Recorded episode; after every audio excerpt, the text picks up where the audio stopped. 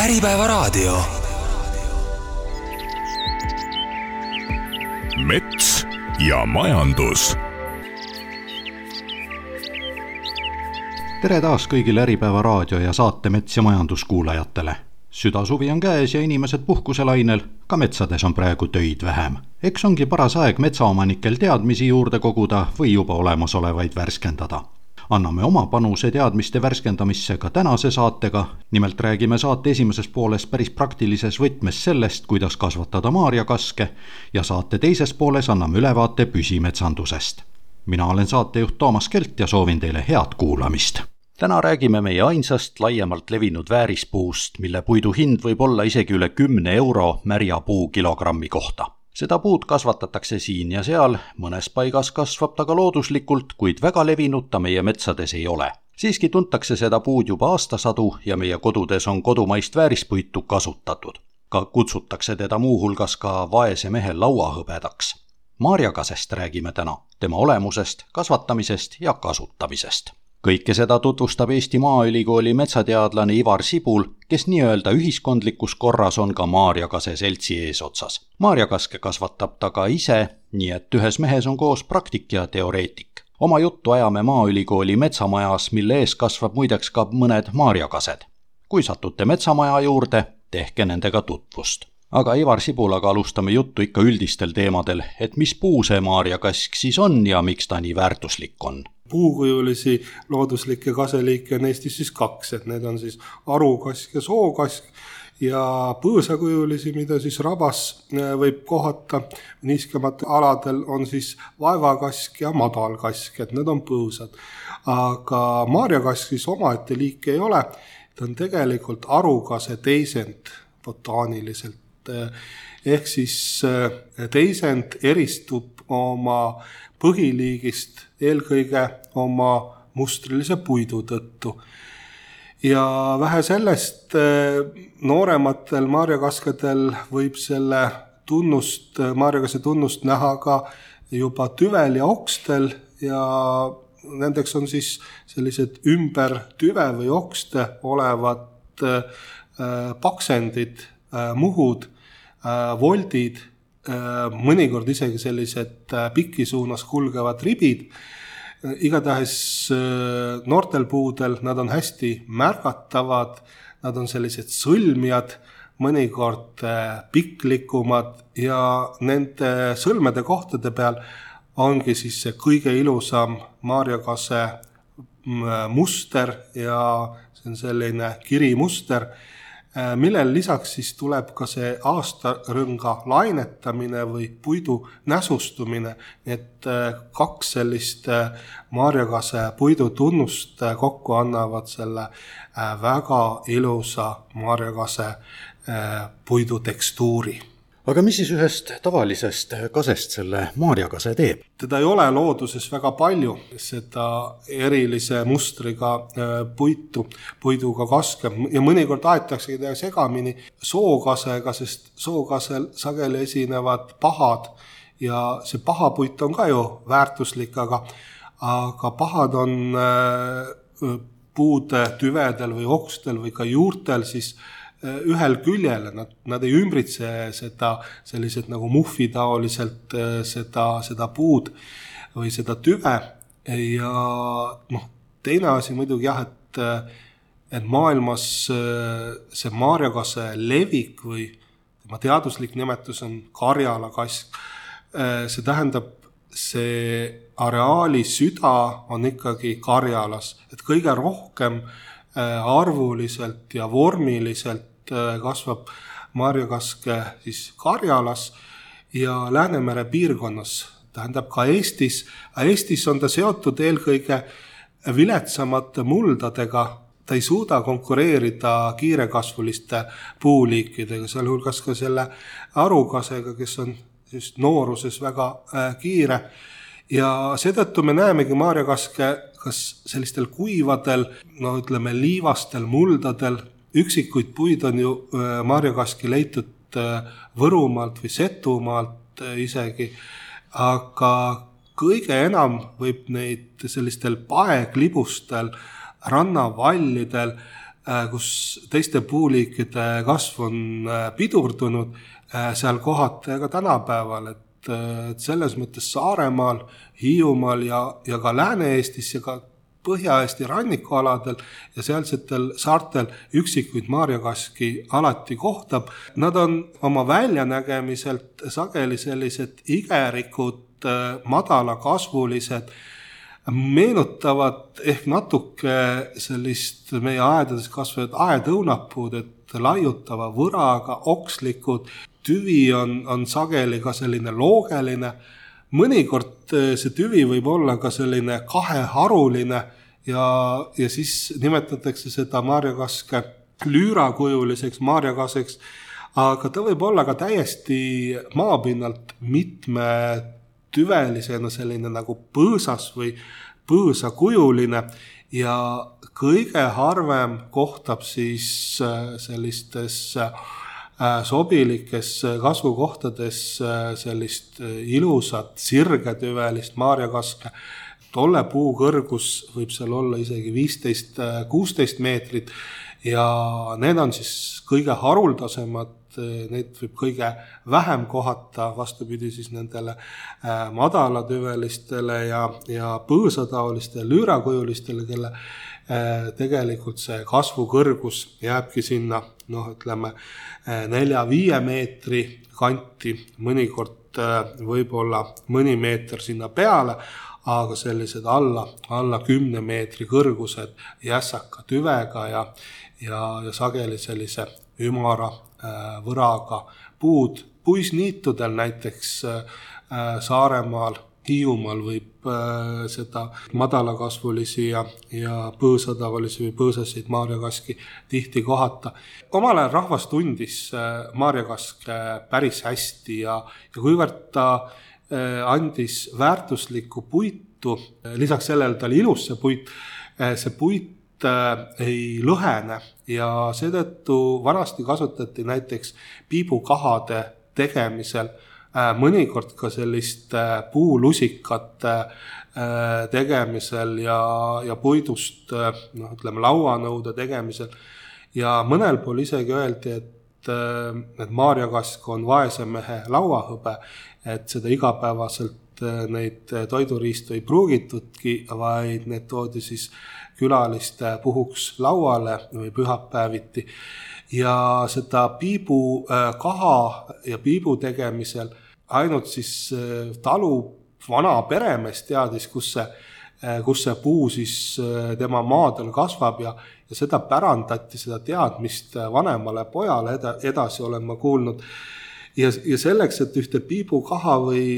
või lusikat teha, selleks ei võetud kunagi seda puud tervenisti maha vaid äh, võeti ainult selline sobilik õige jämedusega oks ja sellest oksast siis äh, vooliti, nii et, et selline äh, säästlik puidu kasutamine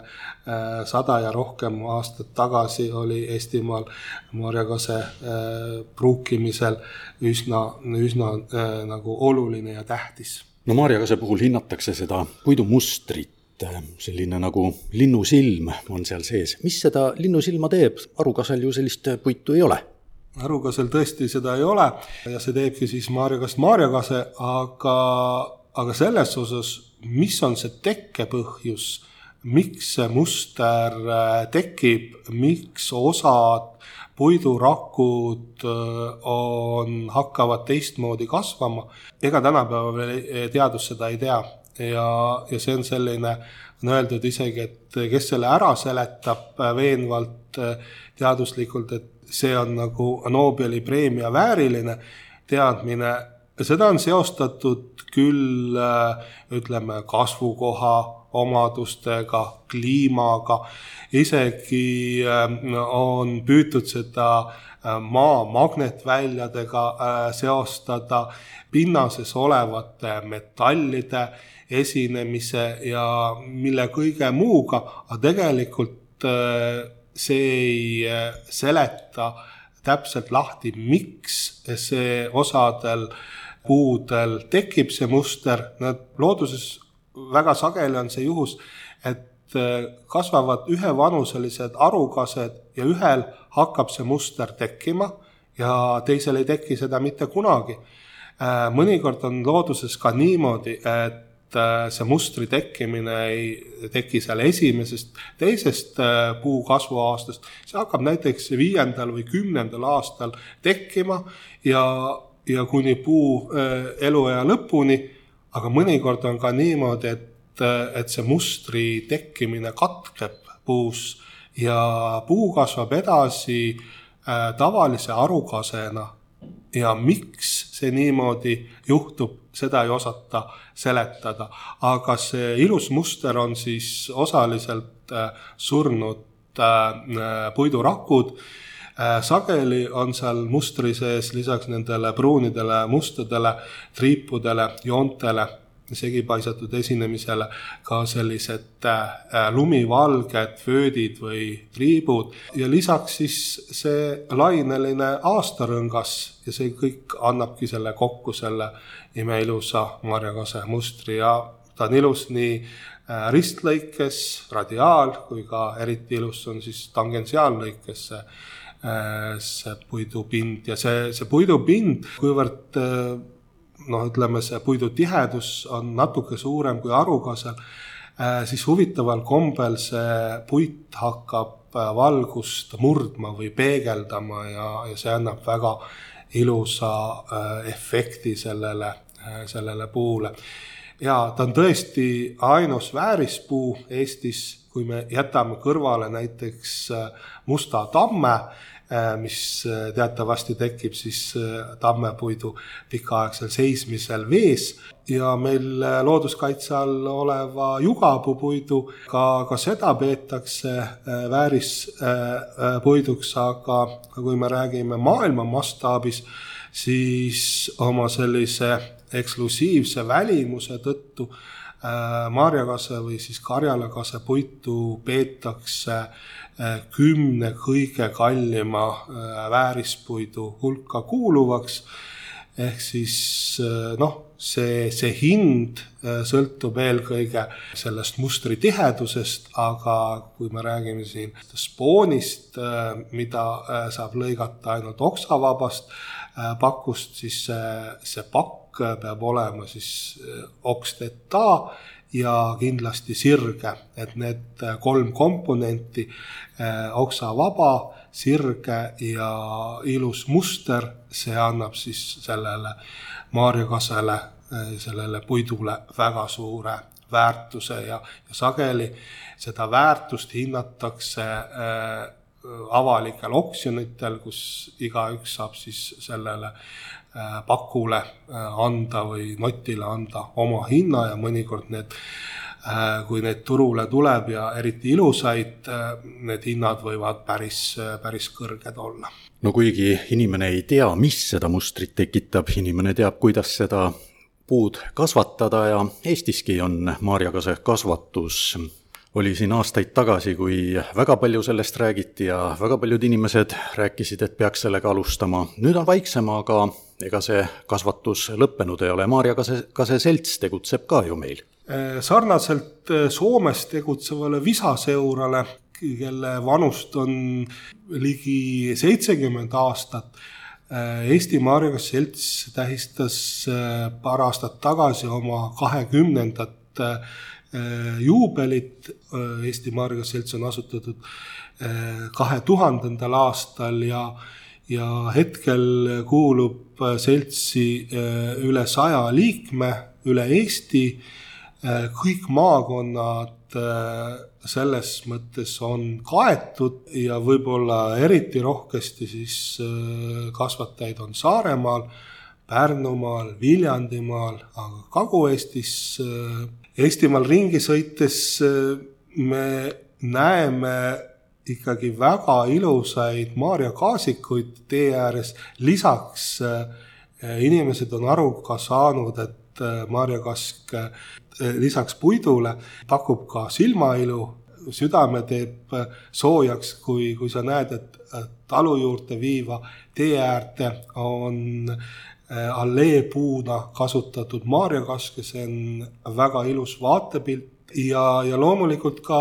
asula linna haljastuses üha rohkem kas üksikpuuna, soolopuuna või ka selliste väikeste gruppidena neid madalakasvulisi maarjakaski üha rohkem kohtab. maarjakase seltsist rääkides, selts igal aastal viib läbi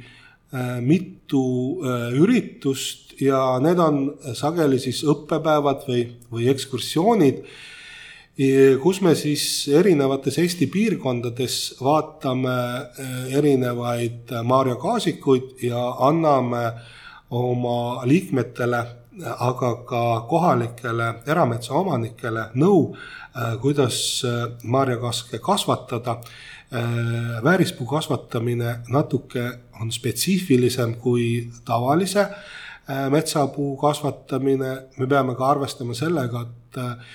et marjakask, äh, see küpsusvanus on umbes pool arukase küpsusvanusest, et sõltub mullastikust, mulla headusest või boniteedist. et ma tean Eestimaal marjakaski, kes on saavutanud Äh, küpsusdiameetri, mis rinnakõrgust on äh, kakskümmend kaks, kakskümmend kolm sentimeetrit äh, kuueteist aastaga. tavaliselt nii kiiresti kõik marjakased ei, ei küpse ja me peame arvestama vähemalt kahekümne viie, kolmekümne aastaga, viletsamatel muldadel isegi neljakümne aastaga. see on ikkagi lühem kui arukase raievanus ja siit tuleb ka selle marjakase võib-olla see teine väärtus, et, et lisaks selle äh, väärispuidule sa saad ka selle äh, puu äh, noh, ütleme varem raiuda ja et seda puu oleks väärtuslik, tuleb teda siis õigesti majandada, see tähendab, kui siin juba juttu oli, et, et see tüvepakk pakk või spoonipakk peab olema sirge ja oksavaba, siis äh, neid oksi tuleb sealt äh, selle raieringi äh, jooksul noh, ütleme pidevalt ära lõigata, seda nimetatakse siis laasimiseks seda tuleb õigel ajal teha ja õigesti, eelkõige siis jämedaid oksi õigeaegselt laasida ja, ja sellega me saamegi selle oksavaba tüvepaku. teine aspekt Äh, mida äh, marjakasse kasvatamisel tuleb silmas pidada, et tal oleks piisavalt äh, kasvuruumi. et marjakaasikud ja marjakassepuistud peavad olema küllaltki hõredad, siis nendel see radiaaljuurdekasv või tüve jämedus kasvab, kui nad on liiga tihedalt koos, siis nad jäävad peenikeseks ja, ja nende kasv ka pider, pidurdub, et, et marjakask tahab valgust ja talle ei meeldi niisked mullad, et, et parasniisked mullad äh,, valgusküllased, need on talle kõige, kõige sobilikumad. Ja loomulikult, et kuivõrd ta on aeglase kasvuga, siis tuleb noh, ütleme neid kiiresti kasvavaid et noh, esimesel aastal muidugi äh, rohukasvu äh, pidurdada, äh, niita ja hiljem siis looduslikke puuliike või, või võsa samuti niita, et anda sellele valguslembesele puuliigile siis ruumi ja, ja valgust.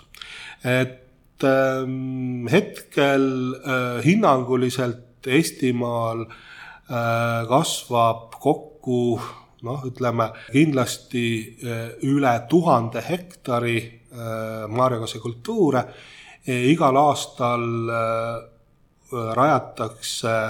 ligi kakskümmend kuni kolmkümmend hektarit marjakaasikuid. Eesti ja maailma suurim marjakaasik asub ka Harjumaal, et see on siis viiekümne hektari suurune marjakaasik ja enamik Äh, Maarja äh, äh, viimastel aastatel või viimasel kümnel aastal on rajatud siis väga kvaliteetse meristeem taimega. see päritolu ja emapuu tunnused on väga hästi teada. me kasutame küll Soome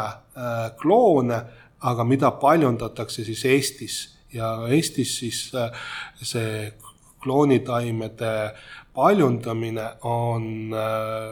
koondunud siis Juhani puukooli või Plantexisse, kes siis äh, igal aastal äh, ligemale kolmkümmend tuhat taime toodab äh, ja eelkõige siis siseturul, et sealt äh,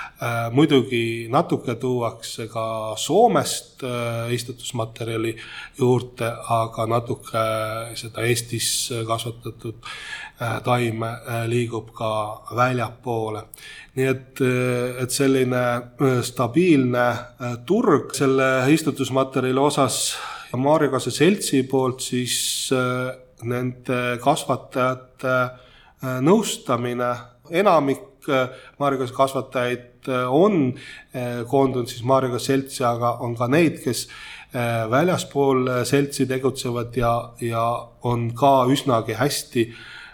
selle väärispuu kasvatamisega Äh, tänaseks hakkama saanud. loomulikult kõigil ei õnnestu ja siin on noh, erinevaid põhjusi. noh, kõige suurem põhjus, miks ei õnnestu, on, on ikkagi äh, vähene teadmine äh, selle puu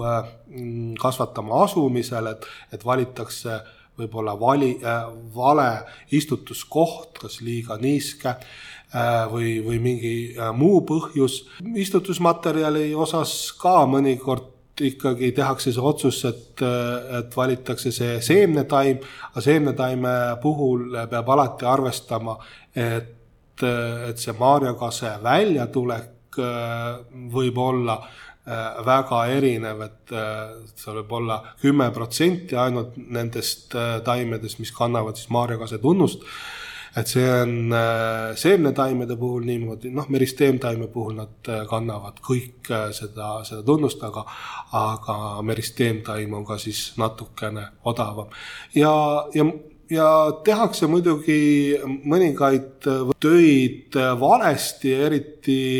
noh, ütleme nende inimeste puhul, kes siis nendest Maarjakase õppepäevadest, ekskursioonidest ei ole osa võtnud ja aga hiljem äh, ikkagi oleme suutnud neid äh, võib-olla väikseid vigu ka korrigeerida, nii et äh, praegu võib öelda, et kes on õppinud Äh, õppepäevadel osalenud, seda õppust kuulda võtnud, äh, need on oma Maarja Kaasikuga äh, üsna, üsna rahul ja, ja õnnelikud, seda enam, et et Eesti turule on tulnud ka juba mitu puidutöötlejat ja kes tegelevad selle, juba selle peenikese puidu, mis harvendusraielt või marjakaasikust saab, selle puidu turustamisega ja, ja siin, siinkohal on hea äh, mainida, et et seda Eestimaa äh, väga ilusat äh, ilusa mustrilist küll peenikest puitu on juba jõudnud nii Euroopasse kui ka juba Ameerikasse, mis on seal hästi vastu võetud. Nii palju siis tänaseks maarjakasest ja selle kasvatamisest kui soovite põhjalikumaid teadmisi, siis tasub ühendust võtta Maarja Kase seltsiga. nüüd aga lähme edasi järgmise teemaga. püsimetsandust on reklaamitud kui toimivat alternatiivi lageraietele. esmapilgul tundub see nii olevatki. kõiki puid maha ei raiuta, metsast võetakse vaid vajalik osa ja mets on kogu aeg ühtlaselt kasvav. nii tundub see olevat. kuid nagu alati, on asi tegelikkuses keerulisem teemat aitab avada Maaülikooli metsandusprofessor Hardi Tullus, kes on püsimetsandusega tegelenud ka metsandusteadlasena. oma juttu alustame ka sellest, et mida püsimetsanduse all üldse mõeldakse. ega nüüd ametlikku definitsiooni, mida püsimetsandus tähendab, ei ole fikseeritud, meil on metsaseaduses ja selle põhjal kehtestatud metsade majandamise eeskirjas defineeritud valikraie ja püsimets ja kriteeriumid kuidas neid raieid, tähendab valikraiet võib teha ja mis on eesmärgiks. aga püsimetsandus, no ma ütleks, et igal ühel, kes sel teemal sõna võtab, on omas peas oma definitsioon. Ja kas seda definitsiooni alati üldse on läbi mõeldud, pigem kumab, kui protestitakse lageraiete vastu, ei taheta seda maastikul näha või elurikkuse mõttes, metsas toimetamise mõttes siis kasutatakse püsimetsanduse mõistet, aga, aga kuidas ja kuhu ja mismoodi seda teha, minu meelest sellist ühtset arusaama küll ei ole ja ametlikult fikseeringut ka ei ole nii et põhimõtteliselt igaüks, kes sellest räägib, sisustab ise selle mõiste. noh, olukord on vist umbes siis samasugune, nagu kui räägitakse hooldusraietest, siis öeldakse, et ärge neid tehke, tehke sanitaarraiet no aga hooldusraiel on selged eesmärgid ja metsakasvataja jaoks tähendab see metsa kasvu suunamist, kui me tahame kas majanduslikel või keskkonnakaitselistel eesmärkidel teatud puuliiki soodustada, siis me raiume teisi puuliike ära, seda me teeme noores eas valgustusraiete käigus ja hiljem harvendusraiete käigus saame ka juba puitu, nende puude puitu, mis looduses loodusliku konkurentsi käigus nagunii ära sureksid. Nii et enamuse raieviiside eesmärgid ja ka piirangud kuidas, kui palju, kui hõredaks metsa võib teha, mis vanuses. Need on kõik metsaseaduse ja metsamajandamise eeskirjaga fikseeritud. võib-olla neid piiranguid on küll ka isegi liiga palju, loomingut jääb tihti väheseks, sest mulle meeldib öelda, et metsakasvatus on kunst ja looming ja, ja eriti väikeomanik võiks olla täiesti vaba oma metsas toimetamises, sest ta kindlasti oma metsale halba ei taha, aga ta tahab ka katsetada, proovida, näha, mis tema tegu toob kaasa, kuidas mets aja jooksul muutub ja loomulikult saada sealt kõiki neid metsaväärtusi, mida me metsa osas teame, puidust alates kuni keskkonna rekreatiivse väärtuse, maastiku iluni, kõige, kõige selleni aga nagu ütlesite, metsaseaduses siiski kaks mõistet on, mida seostatakse selle püsimetsandusega. jah, seal on kirjas valikraie ja seda valikraiet on tõlgendatud nii, Eh, nagu ka metsade uuendamisel tehtavate uuendusraiete osas, et mets peab olema saavutanud teatud vanuse, siis me võime valikraiet teha ja on fikseeritud, kui hõredaks me võime metsa teha. ja on öeldud, et eh, püsimetsas me teeme valikraiet ja valikraie on nii-öelda püsimetsas tegemiseks. Eh, samas on seal fikseeritud küllalt kõrge metsatihedus, mis peab alles jääma aga metsateaduse poolt ma väidan ja meie kogemused näitavad ka katsealadel, et selleks, et saada metsa pidev uuendamine ja uuenemine looduslikult, selleks peab mets olema küllalt hõredaks raiutud ja praegused normatiivid seda, seda ei võimalda. seal peegeldub kui selline ohutunne, et järsku raiutakse liiga palju välja valikraie nime all. Aga looduses on omad seaduspärasused ja kui me vaatame neid kogemusi, mis on Kesk-Euroopas, siis need ei pruugi kehtida Põhja-Euroopas, siin, kus Eesti oma kliima ja mulla tingimustega asub boreaalses, semiboreaalses tsoonis. nii et Põhjala metsades on väga oluline puude juurkonkurents toitainetele, niiskusele ja valgust on meil piisavalt, kui me vaatame Kesk-Euroopa metsi, kus on viljakad mullad, siis jätkub mullas toitaineid ja kui me raiume ühe puu, suure puu ära, siis me jagame valgust ümber ja valgus jõuab maapinnale, väiksed puud saavad hakata kasvama. meil aga, kui me raiume ka ühe puu ära, siis oli seal enne piisavalt valgust, on ka pärast, aga alles jäänud puude juured tõmbavad ära toitained, põuakartlikel muldadel ka niiskuse ja uuendus ei teki. see tähendab seda, et uute puude saamiseks peab olema mets küllaltki hõre ja kui vaadata definitsiooni, siis metsaseaduses ja metsamajandamise eeskirjas, seal on just öeldud, et püsimetsas peab toimuma pidev metsa uuenemine. nii et ideaalses püsimetsas on kõige rohkem noori puid arvuliselt, mida vanemaid, seda vähem ja kogu aeg peab neid uusi noori juurde tulema. Ja see, et need uued noored oleksid nii-öelda meile sobivad, sellele kasukohale sobivad, mida me seal näha tahame, siis tuleb teha ka sellist lag-, lageraie järgse noorendiku hooldamise põhimõttel raiet ka valikraiega majandatavas metsas, see tähendab midagi ära raiuda, näiteks põõsaid, mis segavad, või ka intensiivset rohtaimestikku või tuleb seal nõges või vaarikas et selline püsimetsa nime all ja valikraie nime all tegutsemine nõuab päris palju tööd. ja üks on nüüd loominguline töö, teine on aga ökonoomilises mõttes. nii et ei saa väita, et nüüd püsimetsast valikraiete abil me saaksime puitu odavamalt. tegelikult ikkagi lageraie, ma pean silmas väikeste lankidena raiet,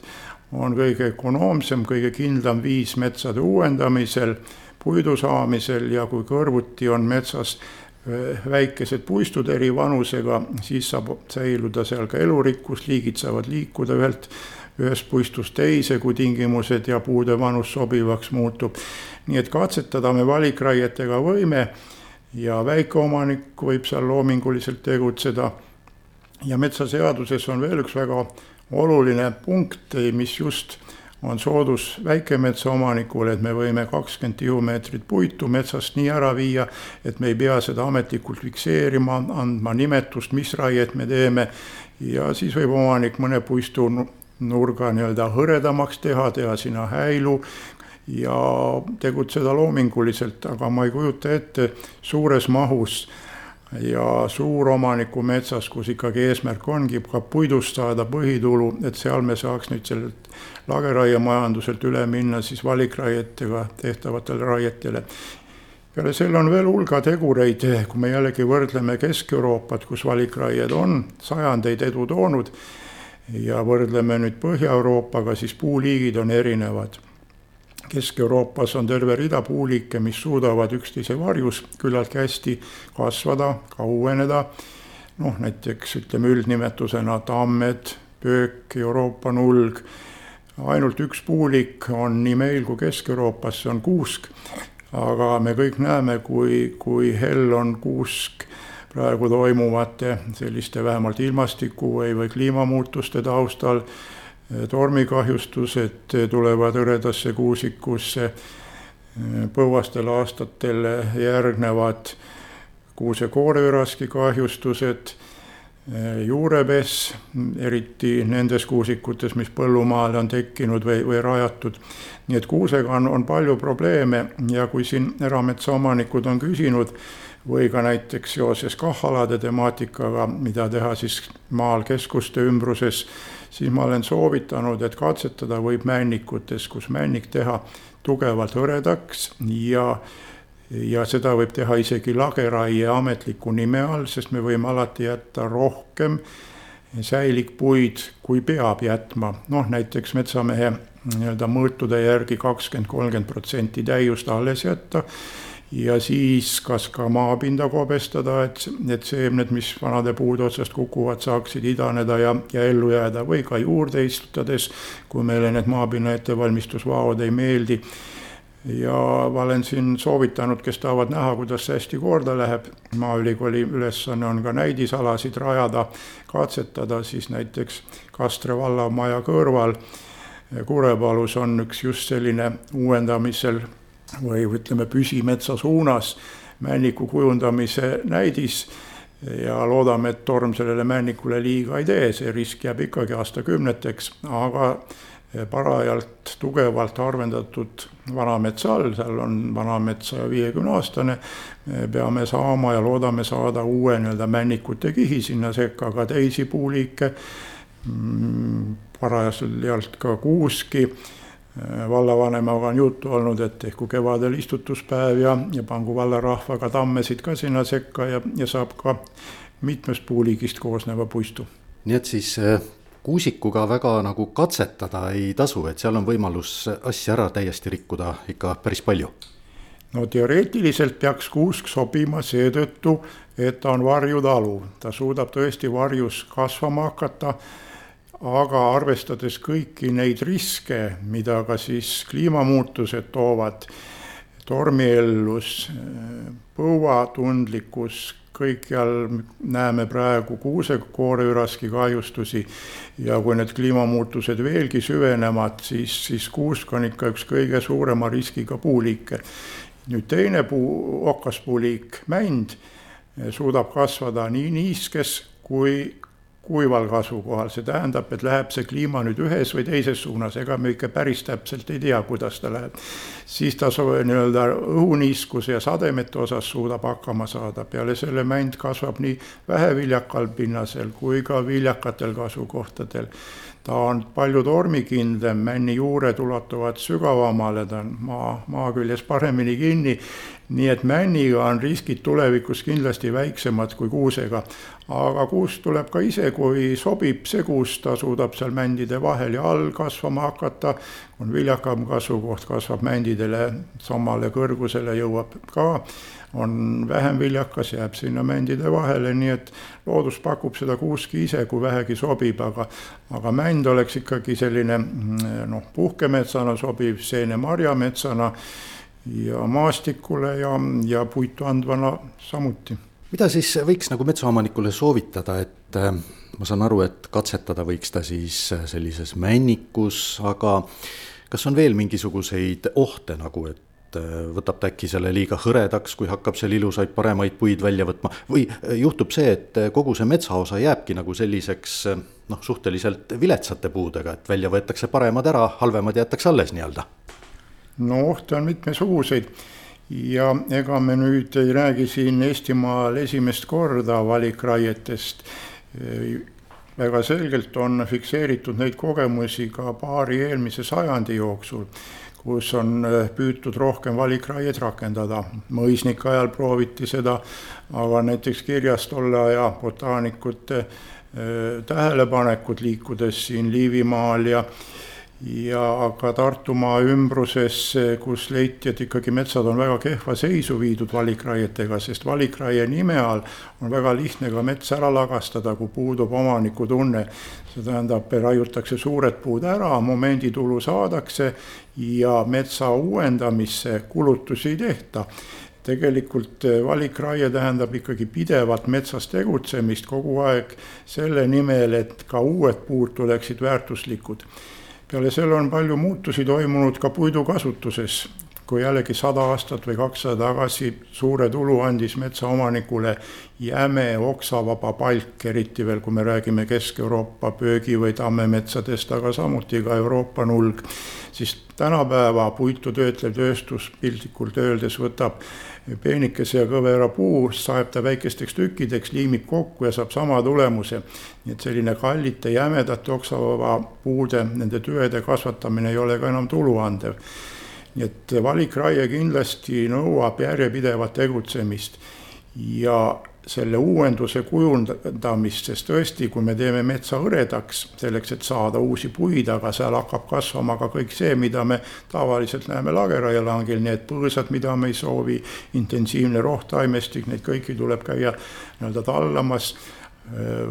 maha lõikamas ja me ei pääse ka metsloomakahjustustest, nii et kui ka Kesk-Euroopas vaadata, kui palju tehakse täiendavaid töid, et see sobiv puulik kasvama saada, pannakse mingid tõkestavad ümbrised nendele puudele, keda me tahame päästa metsloomade käest, istutatakse ka puid juurde samamoodi nagu metsakultuuri rajades. ja noh, lihtsalt saavutatakse küll maastiku pidevam kate metsaga aga sama tulemust me võime saada ka kui väikeste puistutena, nii-öelda väikeste lageraietena tegutseda ja ja selleks on ka veel ametlikud võimalused. Mõistetena metsaseaduses, me võime teha häilraiet, esimese raievõttena häilu läbimõõt võib olla nelikümmend meetrit, me võime teha veeraiet, mis käib turberaie viisi alla, kus raielangi laius võib olla sama meetrites kui puud, puude kõrgus. nii et neid loomingulisi metsas toimetamise eh, võimalusi on, aga aga pea, ei tohi ära unustada seda Põhjamaa ökoloogilist tõde metsa osas, et puudevahelisi suhteid reguleerib juurkonkurents, valgust meil jätkub. muidu, kui me kui me ei märkaks seda, mis mullas toimub, siis me ei räägiks ka kasvukoha viljakusest või metsakorral boniteedist, kõik metsad kasvaksid ühtemoodi. aga seal, kus on, on raskemad tingimused, eriti kui lämmastikku ei jätku, aga mõne, ka mõnda teist toitelementi, siis puud kasvavad aeglasemalt, konkureerivad toitainetele. noh, näiteks kui minna keskealisse või sajaastasse männikusse, vaadake, seal on valgust piisavalt, päike paistab, päike jõuab maapinnale, aga maapinnal on samblad, pohm, mustikas, ei kasva seal muud. põhimõtteliselt valguse mõttes võiks seal ka põllumees vilja kasvatada.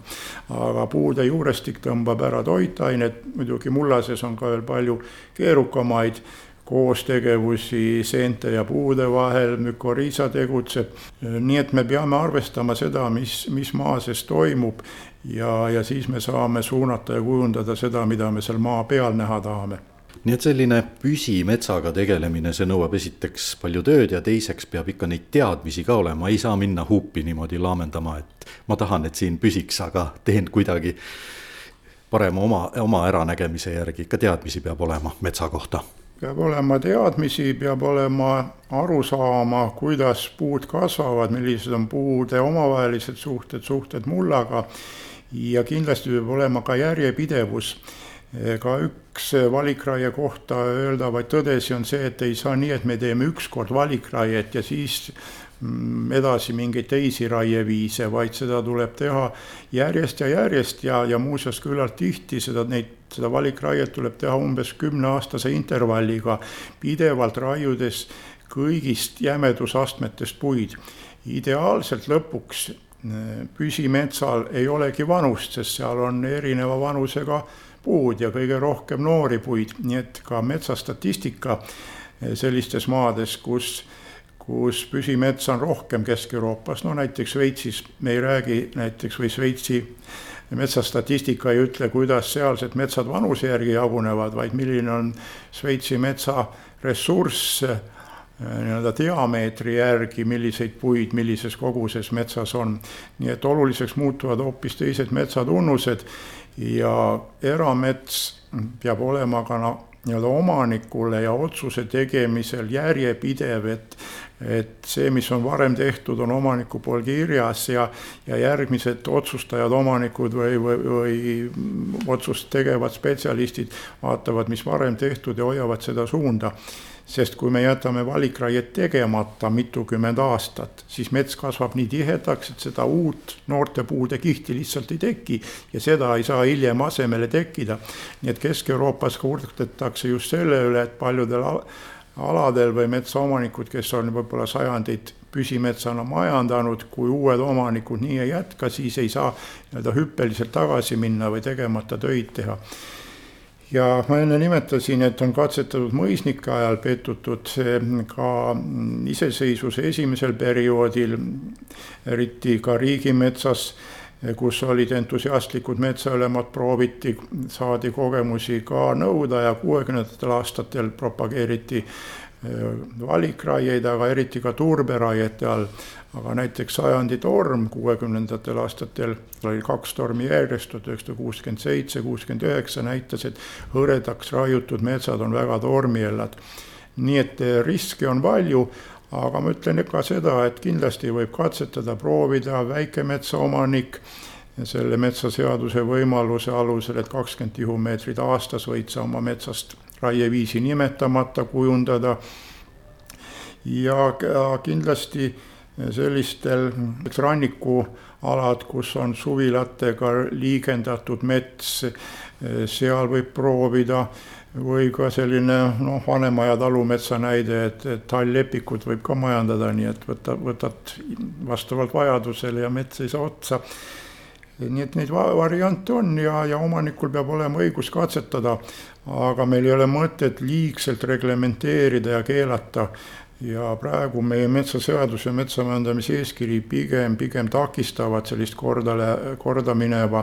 valikraie tegemist ja, ja püsimetsa suunas kujundamist, võiks metsaomanikku palju, palju rohkem usaldada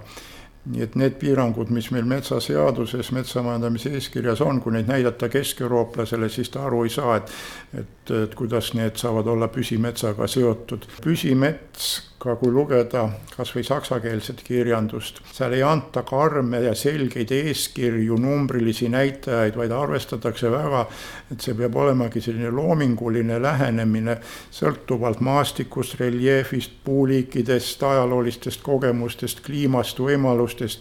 Noh, tõesti lihtsalt välditakse lageraiefaasi ja peab ka seda ütlema, et, et nüüd tänapäeval me näeme valikraie püsimetsal sellist keskkonnakaitseliselt väärtustatud tegevust. ajalooliselt on ta pigem intensiivne metsamajandamise meetod ikkagi kasvatada kalli, kõrge hinnaga tüvepuitu ja, ja pidevalt metsast teha raiet ja sealt pidevalt puitu ära tuua ja tagada selle, selle metsa selline sujuv uuenemine. aga jah, alati on oht, et kui üks omanik ei ole tõeline peremees, siis ta viib sealt paremad puud ära ja kui ma jälgin ka teaduskirjandust, ka nüüd siin Põhjamaades, kus, kus on entusiastlikke püsimetsa ja valikraiete propageerijaid, ka ökonoomilistes arvutustes, siis kui nendesse süveneda, siis see ökonoomilise noh, positiivse külje näitajaks on see, et esimestel valikraietel tõesti me saame ainult puitu, sealhulgas jämedaid puid ja uuendusele kulutusi ei tee, aga pikaajaliselt modelleeritakse sellised ilusad joonised, siksakilised, mets kasvab, raiume, kasvab, raiume, aga ajaloolised kogemused näitavad, et, et nii lihtsalt see asi ei käi ja, ja riske ja ohte, ohte on palju, aga Eestimaal on sellise metsade majandamise stabiilsuse taganud väikesed puistud, muuseas keskmine puistu ehk siis takseereraldus on olnud pidevalt vähenev, sest me oleme suuri metsaalasid jupphaaval raiunud ühes ja teises suunas, nii et majandusüksus või, või puistu oma konkreetsete tunnustega on muutunud järjest väiksemaks. ja ka praegu keskmine lageraielank on alla, alla kahe hektari eks me maastikul muidugi näeme, et kõrvuti on nüüd eri ajal väikese ajavahemiku järel üks või teine puistu raiutud, et siis paistavad suuremad lageraiealad, aga tegelikult on, on keskmine lageraielank suhteliselt väike ja kes on reisinud, kui ta on käinud Põhja-Ameerikas või Šotimaal, siis ta seal näeb tõesti tõeliselt suuri alasid.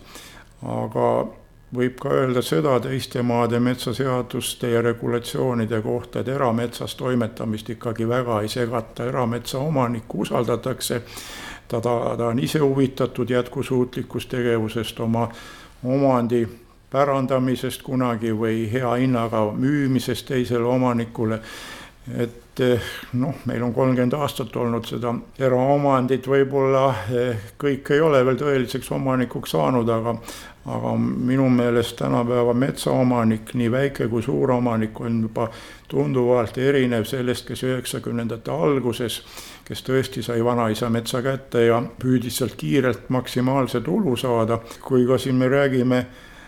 keskkonnakaitselistest piirangutest ja tehakse küsitlusi erametsaomanike hulgas, kas nad on nõus, siis enamus tahab ikka ise tegutseda omas metsas keskkonda hoidvalt. selge see, et kui see tegevus tähendab vähem tulu ja rohkem kulu, siis võiks riik seda kompenseerida. muidugi riigilt tahame me kõik igasugu soodustusi saada ja ütleme, et meie soov on see kõige õigem, riigil on omad võimalused, omad piirangud. Tähendab rahalises mõttes maksumaksjate raha ümber jagada, aga eh, tuleb arvestada seda, et, et majanduslikult eh, on osa meetmeid või, või tegevusi metsanduses noh, vähem tulu andvad kui me tahame neid nii-öelda keskkonnakaitselistel eesmärkidel teha. edu siis metsaomanikel katsetamisel, ärgem unustagem, et metsandus on ka loominguline tegevus. aga enne katsetamist koguge teadmisi, neid jagavad lahkelt ka meie metsandushariduse andjad, Maaülikool ja Luua metsanduskool. võimalusi teadmiste saamiseks uurige koolidest ja nende kodulehtedelt